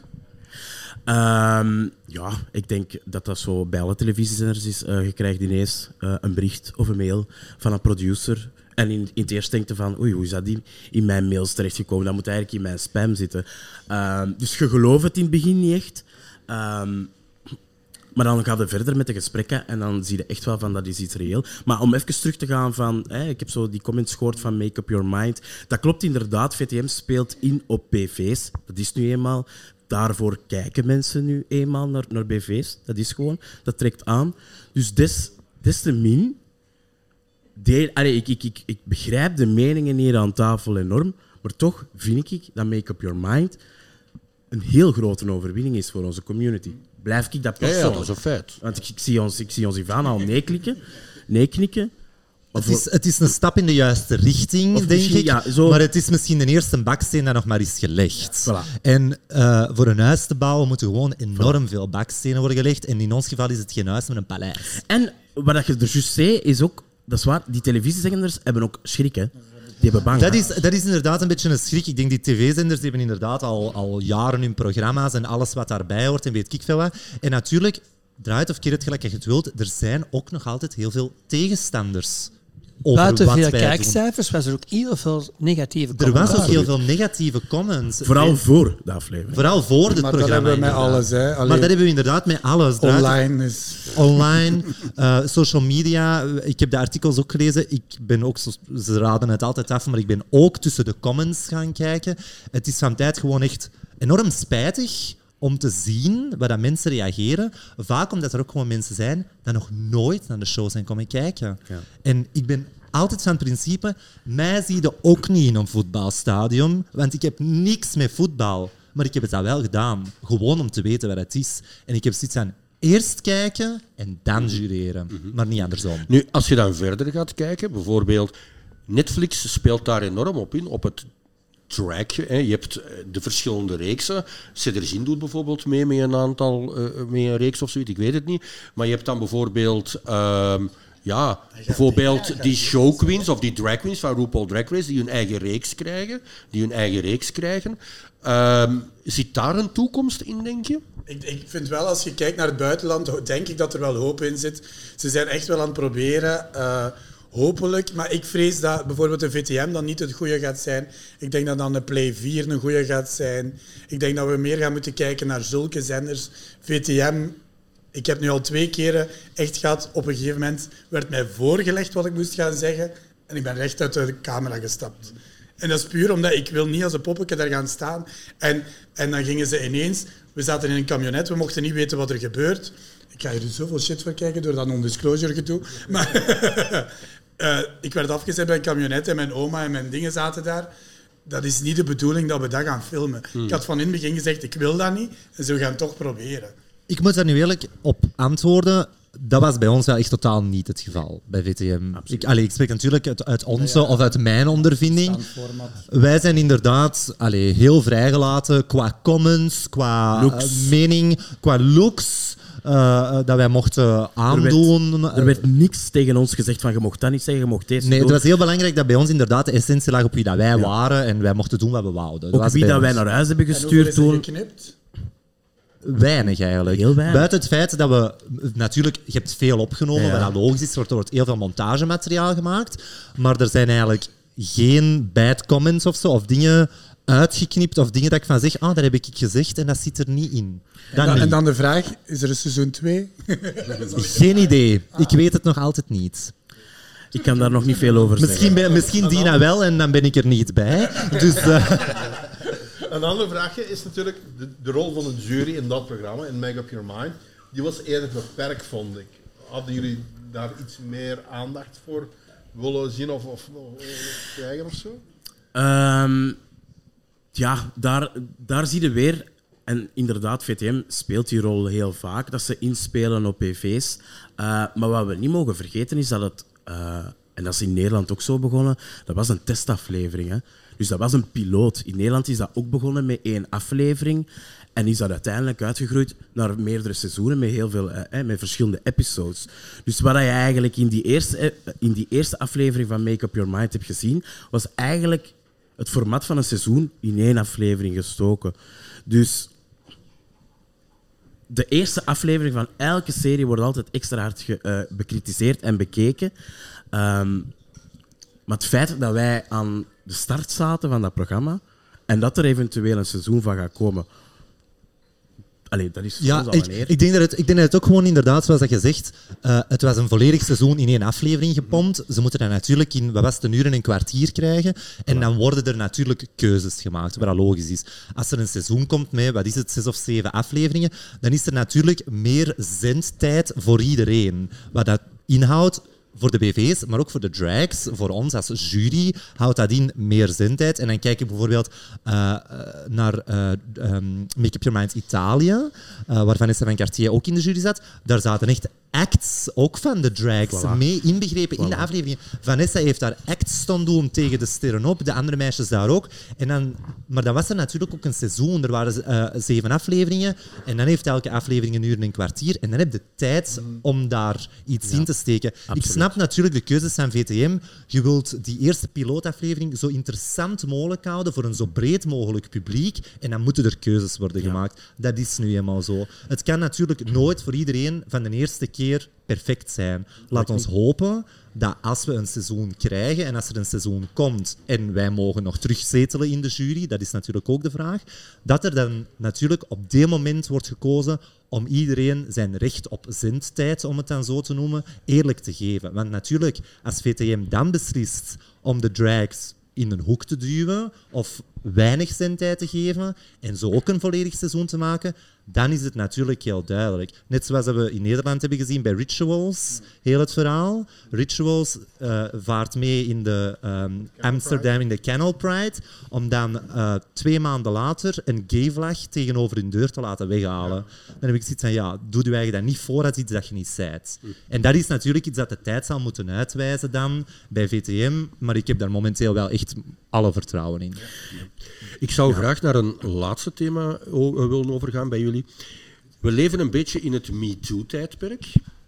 En uh, het is bekend als je shows gaat doen dat je als drag vrij grof kan overkomen op het podium. Ik denk... En dan kijken we in de richting van zo. Ja, Jaja, nooit. Jij kan, vrij, jij kan vrij grof zijn. Ik heb bijvoorbeeld jou tijdens de show van Dina Price een grap horen maken over Nicole van Nicole en Hugo op het podium. Ja. Um, wat kan er binnen het shady en wat kan er niet meer binnen het shady? Dat is eigenlijk onze vraag. In mijn ogen kan er heel veel. Maar het is heel vaak niet de mop dat het probleem is, maar de ontvanger. En het is hoe dat je voor jezelf daar tegenover staat en waar je zelf als persoon tegen kunt. Ik vergelijk dat heel vaak met het woord Jeannette als iemand dat... Ja, ah, wel, maar als iemand dat weinig weet van mijn leefwereld tegen mij zegt, jij zit een Jeannette, hè? dan kan ik die persoon dat niet kwalijk nemen, want die weet niet beter. En dan is het aan mij om die persoon dat juist op te voeden. Als ik over de meer loop en er roept iemand van 50 meter verder, hey, Jeannette, dan is het de verkeerde context. Dus het ligt heel vaak gewoon aan de persoon die dat het ontvangt. En ik denk dat dat bij moppen exact hetzelfde is we leven in de maatschappij waar het allemaal moeilijk is en iedereen heeft het moeilijk en iedereen wil zijn plek. Maar als er één ding is waar iedereen met akkoord kan zijn, dan is het humor, volgens mij. Dus probeer het alsjeblieft een beetje los te laten en probeer in de spiegel te kijken en ook een beetje aan zelfspot te doen en er tegen te kunnen. En humor is lachen met iets of iemand. Ja. En uh, ik heb twee jaar geleden weet ik wel, op die boot van Verhulst gezeten als uh, toeschouwer. Dat was een uh, aflevering met Alex Agnew. En op een gegeven moment zegt hij dingen van, ja, kut. En in Alex die is En alle man dat hier op die boot zit, kijkt van mijn ticket voor het Sportpaleis. Ik had een Alex nog nooit niet gezien, dus dat was gratis. I don't care, denk ik, kon er naartoe. Stoor het me niet aan. Dan ga ik deur. Die komt daar binnen, er zit 14.000 man. Oké, ik ben grof zeggen ze dan. Er zit 14.000 man, Antwerpen! En het eerste wat hij zei is, ja, hetgeen dat je gehoord is juist, ik ben verhuisd. Ik ben van de stad Antwerpen naar de stad, Morsel gegaan. En het verschil is, In Antwerpen hebben wij bruine mensen in witte voorzakken. En in Münster hebben wij witte mensen in bruine voorzakken. En ik dacht, ik blijf zitten. En ik heb weer de show uitgekeken. Dat is helemaal, ja, ik ben helemaal fan. Echt waar. En of ik het nou wilde of niet, en ik, heb, ik zal het nou nog eens zeggen, en in mijn podcast ook, ik heb Nicole van Hugo drie keer in mijn leven gezien. Het was een kutwijf. Echt echt waar. Nee, bij ons is ze geweest, dat was dat niet. Ik, met dat heel shady gedoe, wat ik daar altijd op antwoord is, je weet waar je zit. Als ik een, boek, een ticket boek naar de mascara, dan weet ik, en dan moet ik dat er ook bij gezien hebben, want anders is een avond mascara er niet bij. Bij ons is de cabaret, weten ze dat ook. Ondertussen bouwt je dat op na zeven jaar. Als ik kijk naar wat ik het eerste jaar vertelde en wat je nu opbouwt, het mag al wat meer. Maar effectief, je krijgt af en toe eens iemand die daar helemaal niet tegenkomt, zo'n grijze muis. En, en, waarschijnlijk is hij aangekomen op de parking met een bakfiets. Uh, komt dan even zeggen van ja, dat kan niet en dat kan niet. Ja, mevrouw, op een gegeven moment gaat het zo ver komen dat de feministen gaan zeggen dat we geen vrouwenkleren meer mogen aandoen om onze job te doen. Het gaat heel ver tegenwoordig. Het gaat heel, iedereen wil zijn mening. En iedereen mag zijn mening hebben, maar ik moet ze niet altijd horen. Maar is dat niet een beetje de reden waarom dat we nu met heel dat gedoe in Amerika zitten, rond dat shady gedoe? Ik denk in Amerika zijn ze afleidingsmanoeuvres aan het doen voor belangrijke dingen te verstoppen. Voilà, inderdaad. In Amerika heb je nog altijd meer kans om te sterven van een uh, wapen dan van een dragshow. En ik ben ook van het principe, als we dan zien naar de katholieke kerk, ik denk dat heel veel mensen hier in Vlaanderen de reportage hebben gezien over de katholieke kerk. Ja, als... Uh, ik denk dat die mannen in een kleed net iets gevaarlijker zijn dan wij in een kleed. Dat is uh, de nagel op de kop. Echt waar. En dan, maar dat vind ik ook wel raar. In, in uh, Tennessee is alles verboden hè? Ja.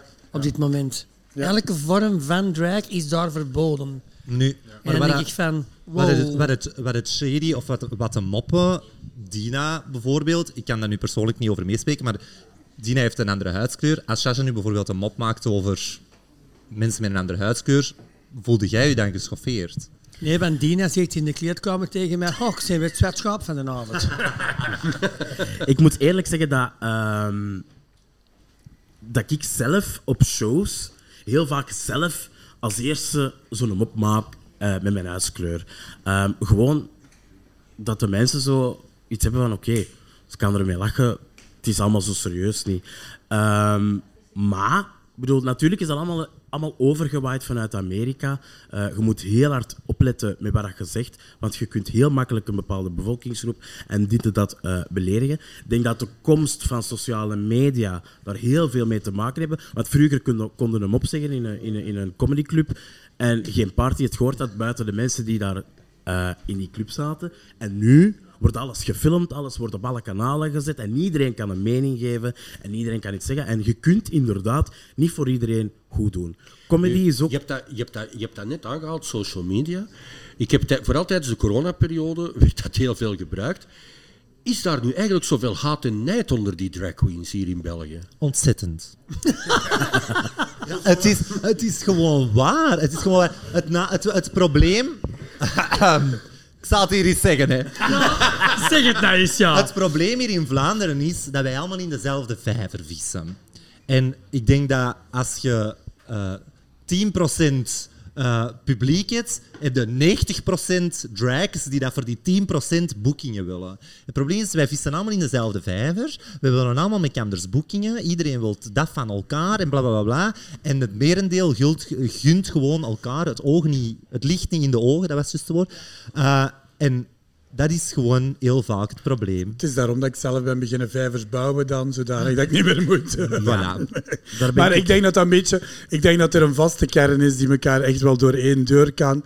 En ik denk dat er bepaalde mensen zijn die er binnen, binnen gegooid worden en die dan letterlijk een rotte appel zijn maar die gaan ook niet blijven bestaan. en die gaan ook niet mee aanvaard worden in een groep. En die gaan ook niet... Ik denk dat er een harde... Hoeveel jaar kennen we elkaar? We hebben heel vaak aan een toon gezeten. Dat heeft al een keer gebotst, maar uiteindelijk is dat ook al heel lang geleden. En, en er, zijn, er zijn periodes, je moet ook elkaar... Je zijn allemaal verschillende persoonlijkheden. Het is niet omdat we drag doen dat we allemaal hetzelfde zijn. Nee, we hebben dezelfde passie in een grote groep, in een grote vorm. Maar uiteindelijk, wij, zijn allemaal verschillende persoonlijkheden. We hebben allemaal ons kwaaltjes. We, hebben allemaal, we werken heel vaak in het nachtleven met een pint erbij en nog wat drank erbij. Dus we leven op, al op de edge van de snee. In het nachtleven bijvoorbeeld. Ja, dan is dat normaal dat er af en toe een discussie is. Inderdaad dat er weinig plaatsen zijn voor bepaalde, maar ik denk dat er genoeg zijn voor de mensen die genoeg mogen verdienen. En daarbij kan ik enkel maar zeggen dat het af en toe ook is dat het inderdaad het onder de prijs gaan werken, maar vooral het achterling gaan horen van als je op een show zit, ga dan niet naar de baas gaan vragen. Zeg, als je er volgend jaar eens nodig hebt. Maar het, is ja, vooral sorry, dat, het is vooral dat respect naar elkaar toe als collega. Ik weet bijvoorbeeld, ik persoonlijk ben zo, als ik morgen telefoon krijg van iemand dat mij wil boeken en ik weet dat er een collega van mij staat, het eerste dat ik doe is naar die collega bellen voor te zeggen dat die klant mij wil boeken. En voor hetzelfde geld eet die collega showqueen van mij daar aan bras mee gaat en wil hij daar niet meer optreden en zegt hij, doe maar, ga maar. En dan zal ik dat doen. Maar voor hetzelfde geld belt morgen een klant van Ivana naar mij en zegt hij, ik wil u. Dan ga ik naar Ivana bellen en dan ga ik zeggen, Ivana schatje, die klant van u die belt naar mij voor deze en deze reden en die willen mij boeken, omdat ik dat respect heb voor Ivana als artiest. En dat is gewoon hetgeen dat enorm veel ontbreekt bij jonge meisjes. dat is nu helemaal zo. zuchten. Omdat, ik, ik, ik ben op dat vlak misschien een beetje eh, opgevoed in de drag scene met een hele klassieke context, maar ik denk dat er heel weinig heel jonge showqueens die klassieke context nog meekrijgen, omdat er heel veel social media is en dat er heel veel van daar wordt geleerd en minder wordt geleerd van artiest op artiest. Ja. Eh, ja, ik was niet aan het zuchten, hè, trouwens. Maar moeilijk, eh, hè? mijn ervaring, en dan spreek ik echt gewoon over mijn ervaring in, in ons wereldje, is... Ik heb nooit echt... ehm, ik ben nooit iemand geweest van haat en jaloezie en zo venijnig. Dat, dat, is, dat, dat is niet de persoon wie dat ik ben. Dat komt nog. Ja, ik weet dat. Wacht, dat je wint. Ehm, ik, ik werk heel hard, zeker het laatste jaar, werk ik heel hard met paardenkleppen. En ik doe gewoon, ik doe gewoon, ik doe gewoon wat goed is voor Dina. Snap je? En ik werk bij heel veel groepen. Hè. Ik, werk, ik werk bij alle queens overal. Ehm, haat en jaloezie gaat er trouwens in elk beroep is er haat en jaloezie. Hè. Wordt heel hard die focus gelegd in het travestielandschap, haat en jaloezie. Maar dat overal. wordt er inderdaad in elke job. Dat, dat, dat heb je overal aan de koffiemachine eh, ergens in. eh.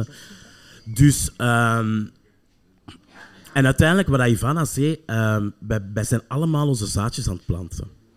En Oude al die, projecten, al die projecten die nu aan het uitbloeien zijn tot goede projecten, dat krijg je alleen maar als je een goede zaad plant.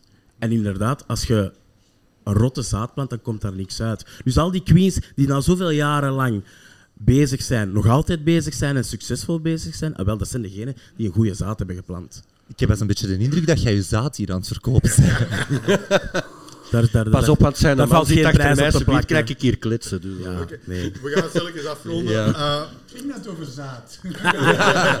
we gaan stilletjes afronden. Eh, als jullie één programma mochten maken, één ultieme show, wat is jullie ultieme signature act die jullie zeker willen opvoeren in dat programma? Of welk nummer willen jullie brengen in dat programma? Hebben jullie een, een song die jullie altijd brengen? Of waar, waar jullie Ik denk dat, dat heel- ik denk dat als, dat- als het meest ultieme programma ooit op de tv zou komen, dan zou het niet zo à la minuut worden beslist wat die een act is. Er- ik, denk dat heel, ik denk dat heel veel mensen heel vaak vergeten hoeveel dat erbij komt kijken bij wat dat wij Ik doen. neem aan dat jullie een act hebben waar jullie Ehm, altijd op terug kunnen vallen. Ja, maar die hebben ze al gezien dan. Ik denk, dat elke, ik denk dat elke collega dat heeft. Moest er ooit een tv-zender zijn en ze moesten dit ooit horen en ze zouden het ooit doen, eh, dan ben ik er zeker van dat het eh, de moeite zou zijn om naar te kijken. Wat het, wat het zou zijn, dat zou ik nu niet à la minuut kunnen zeggen, maar klein zal het niet zijn. Ben eerder voorstander van talkshow gericht met drag queens te werken dan een show te brengen. Want ik vind nog altijd een show is om live te kijken, vind ik dan. de- Ik kan er direct op antwoorden, want mijn ultieme droom, het zal in België nooit gebeuren, maar mijn ultieme droom is nog altijd, en gewoon het feit van research dat te duur is, dat is gewoon te duur. Ik zou heel graag de Belgische eh Demetna zijn. Een talkshow, zo een mottige kutterbui van Match the Badge en drie BV's. Drie BV's en dan u wel doen. research van wat is er in die jeugd gebeurd, wat kan ik uitvergroten. En ik ga nog heel rap nee, ik heb ooit een aflevering gezien van eh, eh, dingen en er zat eh, Roger Moore. En Roger Moore was heel conservatief, heel teruggetrokken. En het was een kerstshow. En die middag geeft allemaal cadeautjes. En ineens geeft ze een pakje aan Roger Moore. En ineens zoiets van... "Mm, Doe dat open. Dat was een citroengeel debardurkje met een kabeltje. En, uh, en hij blijft in zijn rol. Oh, very nice. Thank you, thank you, thank you. En dan zei Demet naar ineens, don't you recognize? En je ziet al zo in de zwiertuppel naar beneden komen. Hè? En hij zo, no, no, no, not at all. Really, you don't recognize? En dan komt er een scherm naar beneden. En dan krijg je een foto van Roger Moore op zijn 16 jaar in La Redoute of Trasuisse, I don't care. Met gel in zijn haar en dat geel debardurken aan. Die ging duizenden stoel, hè. Dat is een zware research, dat weet ik. En dat kost geld. Maar dat was topshow. Ja, dat, is een was topshow. De ideale wereld was Ja. hier doen. Dat Ja. zie ik echt wel. Dat was top. Echt waar. Dus er en dan op later leeftijd die, die rem dat je die stoel zo kost laten wegklikken. En anders kun je altijd eh, een, eh, een aflevering eh, James the Musical, met dan Jaja Lamar the Musical. Ik denk dat dat ook zeer interessant is om naar te kijken. Over, over activiteiten gesproken, eventjes het rondje afgaan. Danny, waar, welke evenementen kunnen wij van jou nog verwachten, zowel in Marie-Antoinette als in Mascara? Eh, voor de komende weken? De komende weken, Marie-Antoinette, elke derde vrijdag van de maand is dan showavond bij mij. Eh, top, top, top.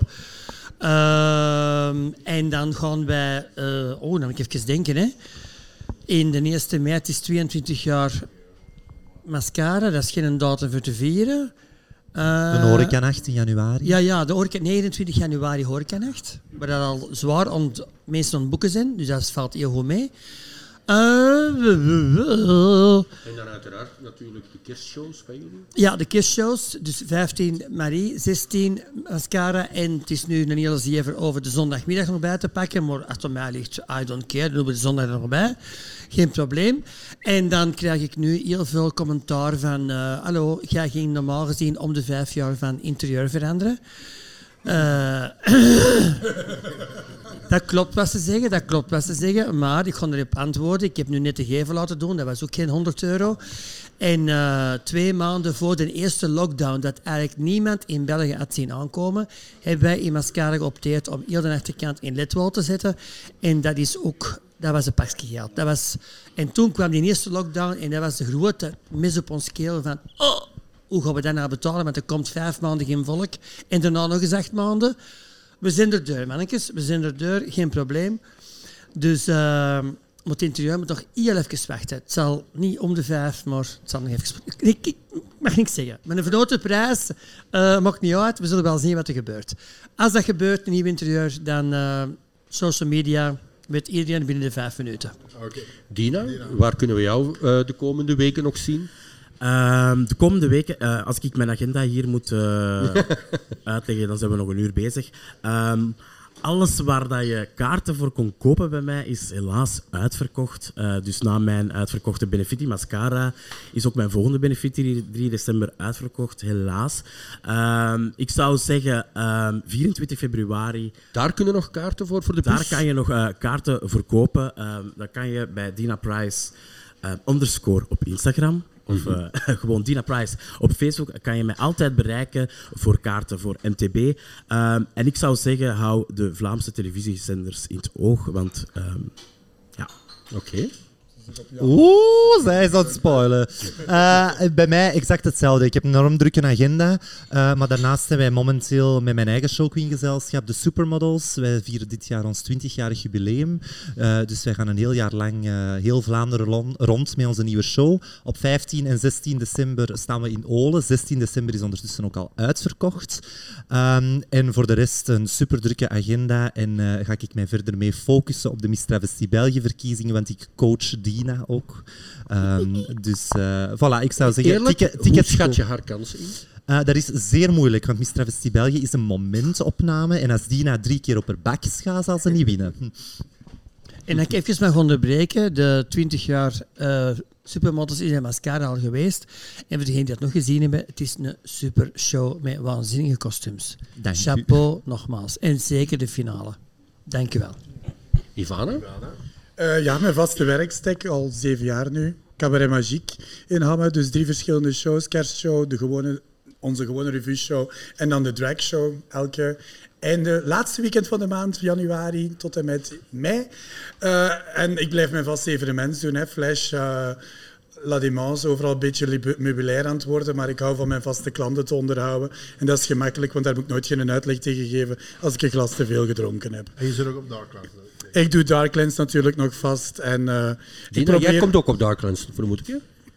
Dat moet ik haar nog doorgeven. Bij deze.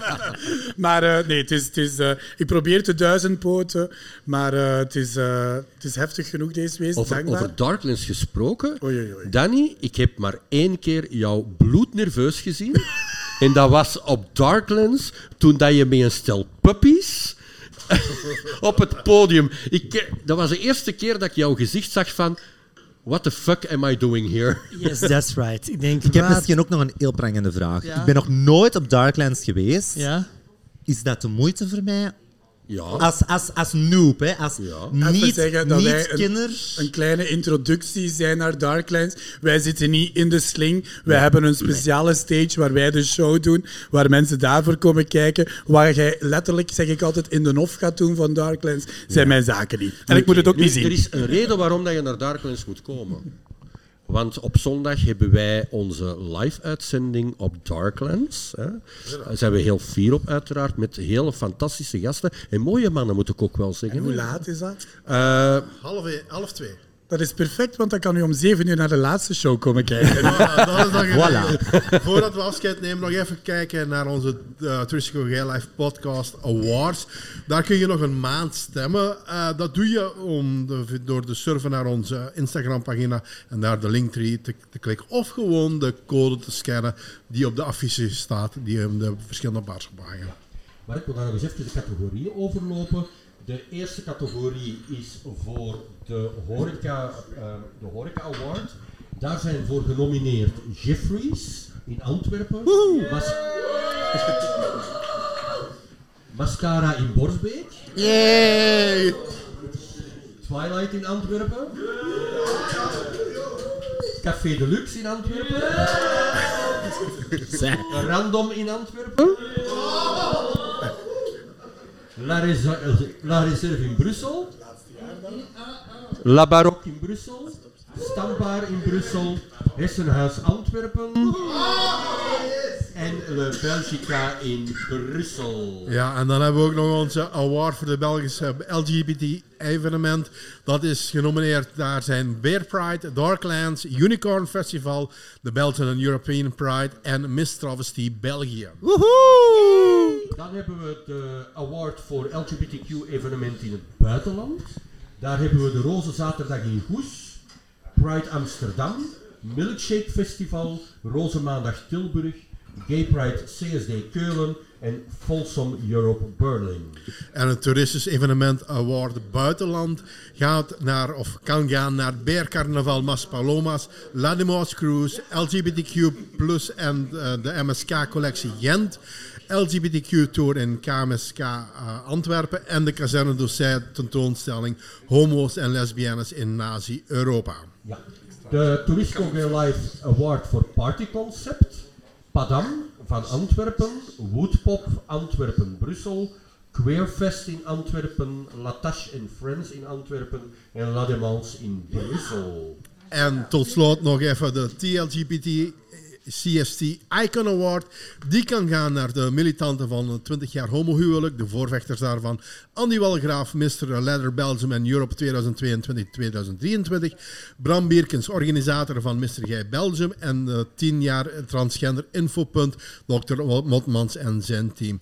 Oftewel Geert Buitaert, de owner van de Boots in Antwerpen. Stemmen kan tot 20 december via onze link in de voor- show notes. Voor de mensen die in de horecazaken komen, sommige horecazaken hebben een affiche uitgehangen. Gewoon eventjes de QR-code scannen voor de mensen hier aanwezig. Er ligt een QR-code op tafel, dus scan hem maar en stem voor de juiste kandidaat. En in januari gaan we de eh, winnaars bekendmaken en eh, kijken. Want we zitten hier met drie winnaars trouwens aan tafel. Ja, eigenlijk wel. Eh, allee, Jeffrey, dan eh Danny heeft vorig jaar gewonnen en Ivana met haar Ivana's bustoer van Darkland. Ja, Die ook uitverkocht is. oké. Nog even kort een rondje. Waar kunnen ze jullie volgen op sociale media? Danny, César. Jij hebt een nieuwe website. Ja, ik heb Bistro Marie-Antoinette, eh www.mascara.be. Danny Jaja Kalander op Ja, Instagram. Danny Zaza Kalander op Facebook. Instagram Danny Kalander. Eh, en dan zal het wel van gedaan zijn, zeker. Hè? En jouw OnlyFans? Ah, die kent dat. ja, ik ken dat. Ik ken dat, maar ik ben niet geabonneerd. Nee. Allee, ik zit hier inderdaad Eh, vast. mij kan je gewoon vinden op eh, Facebook Dina Price en op Instagram Dina Price underscore. Bij mij hetzelfde verhaal. Op Facebook Sammy Joe. En eh, op Instagram Sammy Joe, maar met underscores tussen. En bij mij is het de gewone naam, omdat ooit eh, Twitter en alles aan het veranderen was toen en je dat je eigen moest bekendmaken. Dus eh Juri Belen, J-O-E-R-I Belen. Maar als je me daar gaat zoeken, dan ga je me toch ergens anders in een club beter op vinden. Ja. Maar vriendin, En, als je Ivana intikt op Instagram, vindt u ook. En ergens in de sling, en ergens in de sling op de La Démence cruise, vermoed ik. Eh, als ik daar nog maar moest tijd voor hebben, ja. Oké, tot zover deze aflevering van de Touristico Gay Life podcast. Eh, ons kun je natuurlijk volgen op Instagram Ja. met de handle Ik wil, eh. Ik wil ook heel even eh, Jeffries bedanken voor, ehm, voor het hier aanwezig zijn. Mag ik een daverend applaus? Ik wil ook onze vier gasten bedanken om hier aanwezig te zijn. Ik denk dat we heel wat hebben bijgeleerd over Show Queen. En ik heb vooral geleerd dat ik het niet wil zijn. Ehm, het is al erg genoeg dat ik op Halloween trek. Ehm,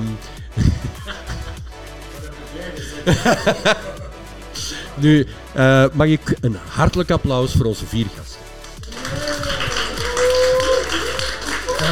Iedereen, en iedereen die naar Jeffries is afgezakt, bedankt voor het komen. En tot op Darklands.